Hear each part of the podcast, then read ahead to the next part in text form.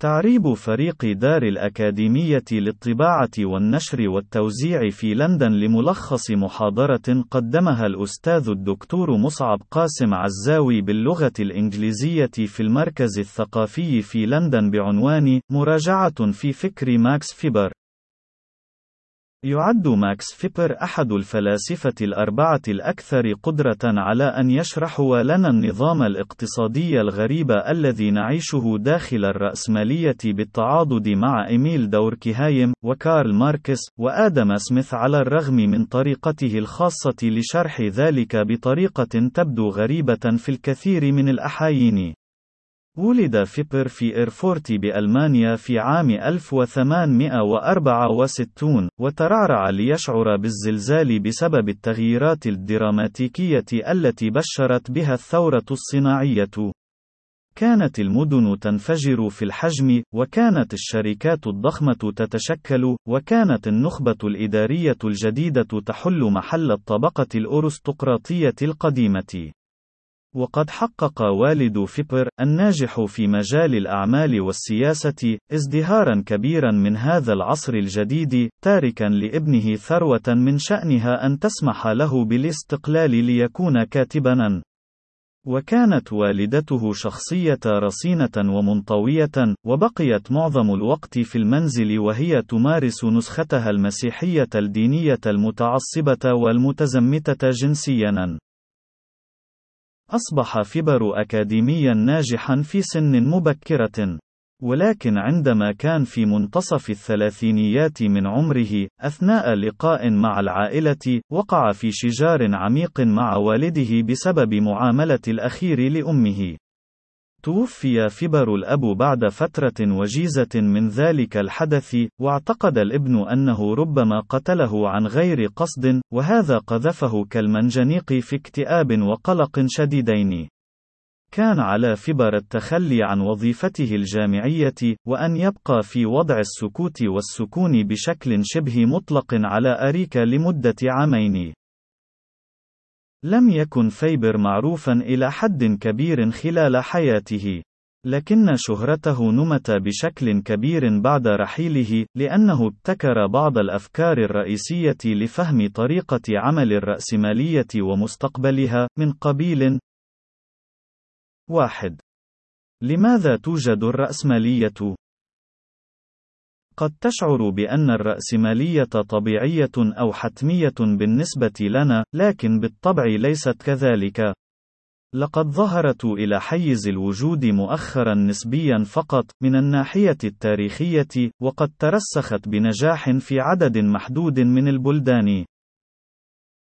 إن وجهة النظر القياسية هي أن الرأسمالية تكون نتيجة للتطورات في التكنولوجيا، لا سيما اختراع الطاقة البخارية.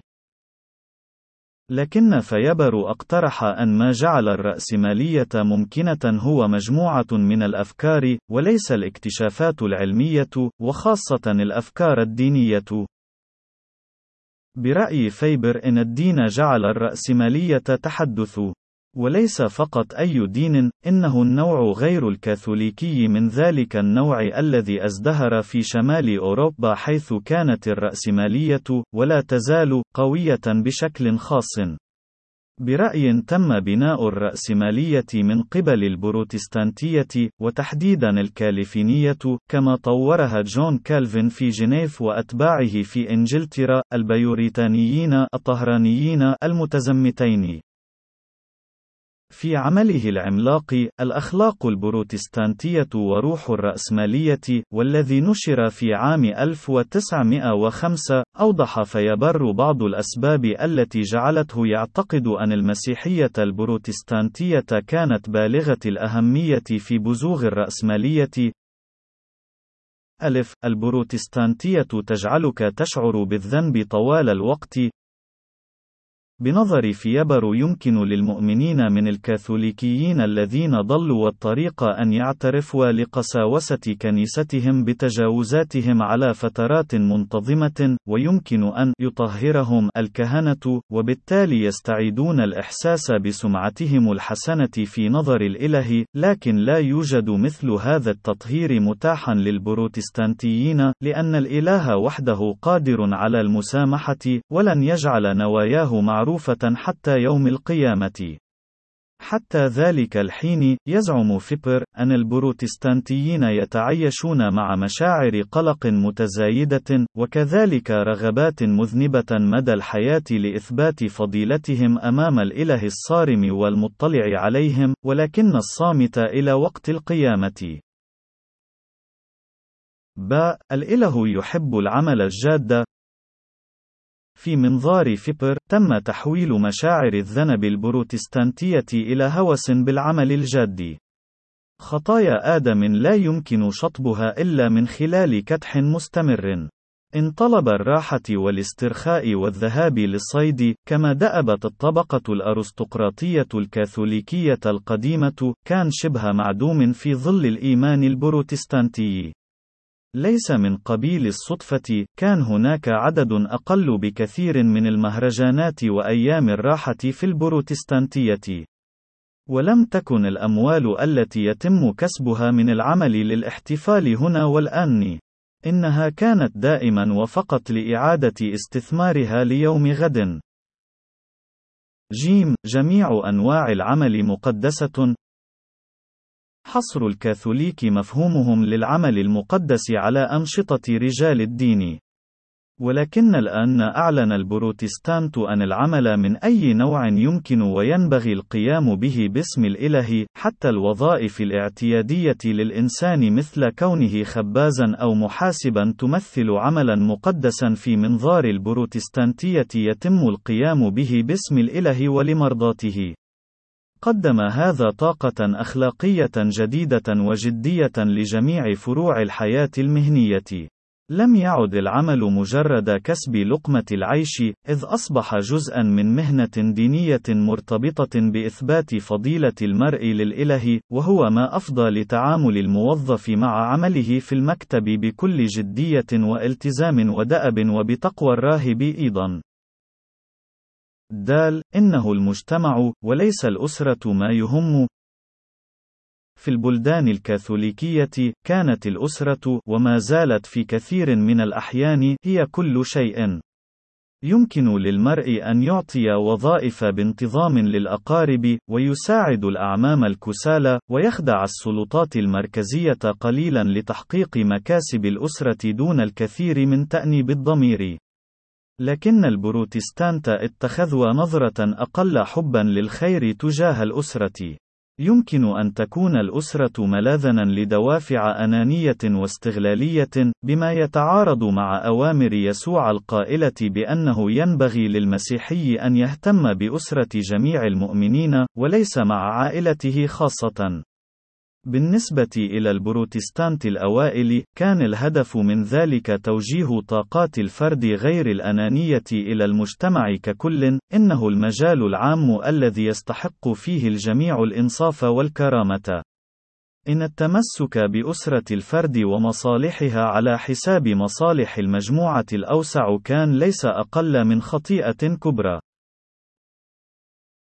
ها، ليست هناك معجزات، لقد أدارت البروتستانتية ظهرها للمعجزات التي كانت محورية في الوعي الإيماني الكاثوليكي، إذ في نهجها لم يعد الإله يسحب الرافعة وراء الكواليس يوما بعد يوم، ولا يمكن للمرء الحصول على رد على تضرعاته وصلواته مباشرة. وأطلق فيبر على ذلك اسم خيبة الأمل في العالم. وبدلا من ذلك، في الفلسفة البروتستانتية، كان التركيز منصبا على العمل الإنساني، حيث كان العالم اليومي يحكمه الحقائق والسبب وقوانين العلوم القابلة للاكتشاف، وبالتالي، لم يكن الرخاء متاحا بقضاء وقدر الإله، ولا يمكن كسبه من خلال الدعاء. يمكن أن يكون فقط نتيجة للتفكير المنهجي، والتصرف بأمانة، والعمل بجد وعقلانية على مدى سنوات عديدة. وبالنظر إلى هذه الأمور مجتمعة، تم تشبيك هذه العوامل الخمسة في منهج فيبر التحليلي ودعاها العناصر التحفيزية الأساسية للرأسمالية.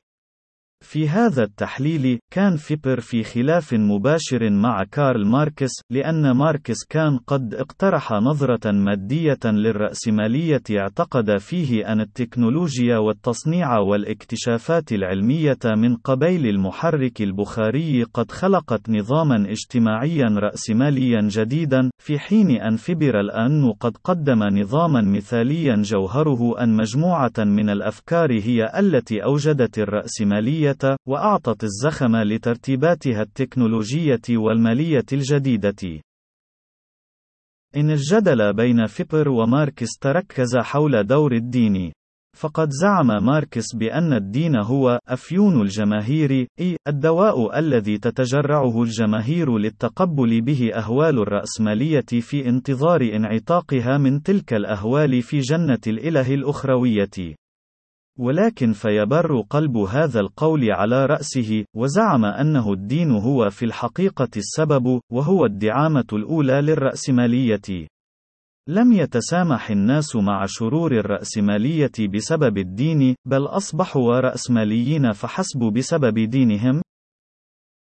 اثنان. كيف يمكنك تطوير الرأسمالية في جميع أنحاء العالم؟ في تحليل فيبر، فشلت الكثير من الدول في النجاح في الرأسمالية لأنها لا تشعر بالقلق والذنب بما فيه الكفاية، فهي تثق كثيرا بالمعجزات، وتود إنفاق ما تجنيه مباشرة بدلا من إعادة استثمار أرباحها ليوم غد، ويشعر أبناء مجتمعاتها أنه من المقبول أن يسرقوا من المجتمع من أجل إثراء عائلاتهم، أي لصالح العشيرة على الأمة. لم يعتقد فيبر أن الطريقة الوحيدة لتكون دولة رأسمالية ناجحة هي في الواقع التحول إلى البروتستانتية. فقد زعم بأن البروتستانتية قد جلبت فقط أفكارها المثمرة الأولى التي يمكن أن تتواجد الآن خارج الأيديولوجية الدينية. واليوم، يمكن لفكر فيبر أن يقدم المشورة إلى أولئك الذين يرغبون في نشر الرأسمالية للتركيز على نظير الدين البروتستانتي أي الثقافة الرأسمالية بحسب منظار فيبر لها. ثلاثة. لماذا لا تسير الرأسمالية في المجتمعات الفقيرة؟ إن وجهة نظر فيبر هي أنه إذا كانت الرأسمالية سوف تترسخ في الدول النامية، وتحقق مزايا إنتاجية أعلى وثروة أكبر، فإننا سوف نحتاج إلى التفكير في تغيير العقليات، وغرس شيء أقرب إلى نسخة محدثة من مواقف الكالفينية بالخاصة من كل المذاهب المسيحية البروتستانتية. وقد ظهرت وجهات نظر فيبر حول التنمية العالمية في كتابين من كتبه قد كتبهما عن ديانتين شعر بأنهما غير مفيدتان للغاية للرأسمالية، وهما دين الهند ودين الصين. بالنسبة لفيبر، فنظام الطبقات في الهندوس يخصص كل فرد إلى وضع لا يمكنه الهروب منه، وبالتالي يجعل أي جهد تجاري مستدام غير ذي جدوى. كما أن الإيمان بمفهوم سامسارا تناسخ الأرواح التقمص يلهم الرأي القائل بأن لا شيء جوهري يمكن أن يتغير حتى الحياة التالية. وفي الوقت نفسه، تقوم الأيديولوجية الهندوسية للعشيرة بالضغط على المسؤولية الفردية وتشجع المحسوبية بدلاً من الجدارة.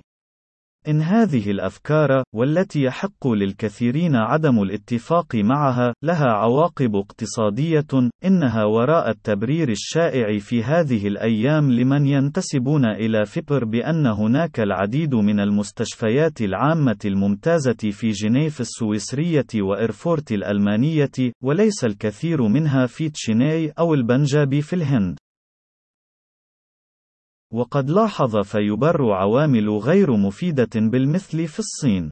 فهناك الكونفوشيوسية التي تعطي وزنا كبيرا للتقاليد حيث لا أحد يشعر بأنه قادر على إعادة التفكير في كيفية عمل الأشياء بطريقته الخاصة بشكل يشجع التفاني لخدمة البيروقراطية في مجتمع ثابت وراكد في حين أن روح المبادرة تنشأ من مزيج مثمر من القلق والأمل 4. كيف يمكننا تغيير العالم؟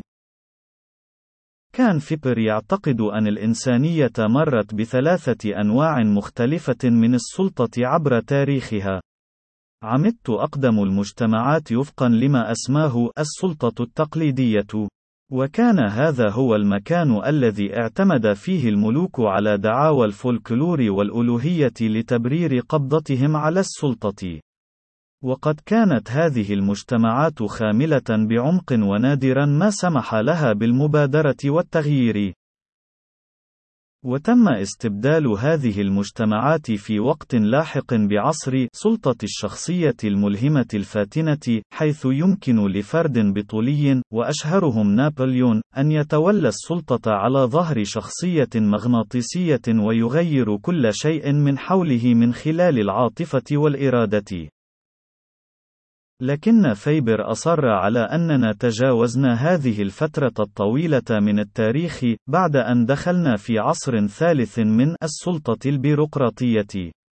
هذا هو الوضع الذي يتم فيه احتفاظ السلطة بالبيروقراطيات الفائقة للعادة، والتي طريقة عملها تحير المواطن العادي. ليس من الواضح للإنسان العادي ما يفعله جميع الموظفين فعليا في الاجتماعات وفي مكاتبهم. إن البيروقراطية تحقق قوتها من خلال المعرفة، حيث فقط البيروقراطيون يعرفون فن التخطيط والتنفيذ على نطاق واسع. إن لهيمنة البيروقراطية آثار كبيرة على أي شخص يحاول إحداث تغيير في مجتمعه، إذ غالبا ما تكون هناك رغبة مفهومة، لكنها مضللة، في التفكير في أنه يتعين على المرء تغيير القائد رأس هرم الإدارة في المجتمع، الذي ينظر إليه على أنه نوع من الوالدين الفائقين اللذين يحددان كيف يسير كل شيء في العائلة. ولكن في الواقع، إن إزالة القائد لا تنطوي أبدًا على درجة التأثير المأمول في المجتمعات الرأسمالية إذ أن ما يحركها هو هيكل البيروقراطيات المسيرة لها ولا تتغير سياساتها وأهدافها كثيرًا بتغيير من يتربع شكليًا أو فعليًا على رأس هرمها البيروقراطي العملاق. لقد أدرك فيبر أنه لا يمكن اليوم للمرء إحداث تغيير اجتماعي كبير عن طريق الشخصية الملهمة الفاتنة فقط. قد يشعر الفرد كما لو أن التغيير السياسي يجب أن يكون مدفوعا بالخطابات النارية، والمسيرات، والغضب، والإيماءات الكبيرة والمثيرة، مثل نشر كتاب ثوري ذائع الصيت. لكن فيبر ظل متشائما بشأن كل هذه الآمال، لأنها غير متوافقة مع واقع كيفية عمل العالم الحديث. والطريقة الوحيدة للتغلب على السلطة الموجودة داخل البيروقراطية هي من خلال المعرفة والتنظيم المنهجي. يشجعنا فيبر على رؤية أن التغيير ليس مستحيلا، ولكنه يتم بكثير من التعقيد والبطء. إذا أردنا تحسين واقع المجتمع وطريقة عمله، فلا بد أن يكون ذلك من خلال الدخول إلى الجسم البيروقراطي والعمل من داخله بقوة المعرفة. الخلاصة ماكس فيبر يعد مصدرًا فريدًا للأفكار حول كيفية تغيير الواقع المعاش. إنه يخبرنا كيف تعمل القوة الآن، ويذكرنا أن الأفكار قد تكون أكثر أهمية من الأدوات المحسوسة أو المال في تغيير المجتمعات والدول. إنها أطروحة مهمة للغاية وتستحق التفكر بها بغض النظر عن اتفاقنا الكلي أو الجزئي مع نهج فيبر الفكرية.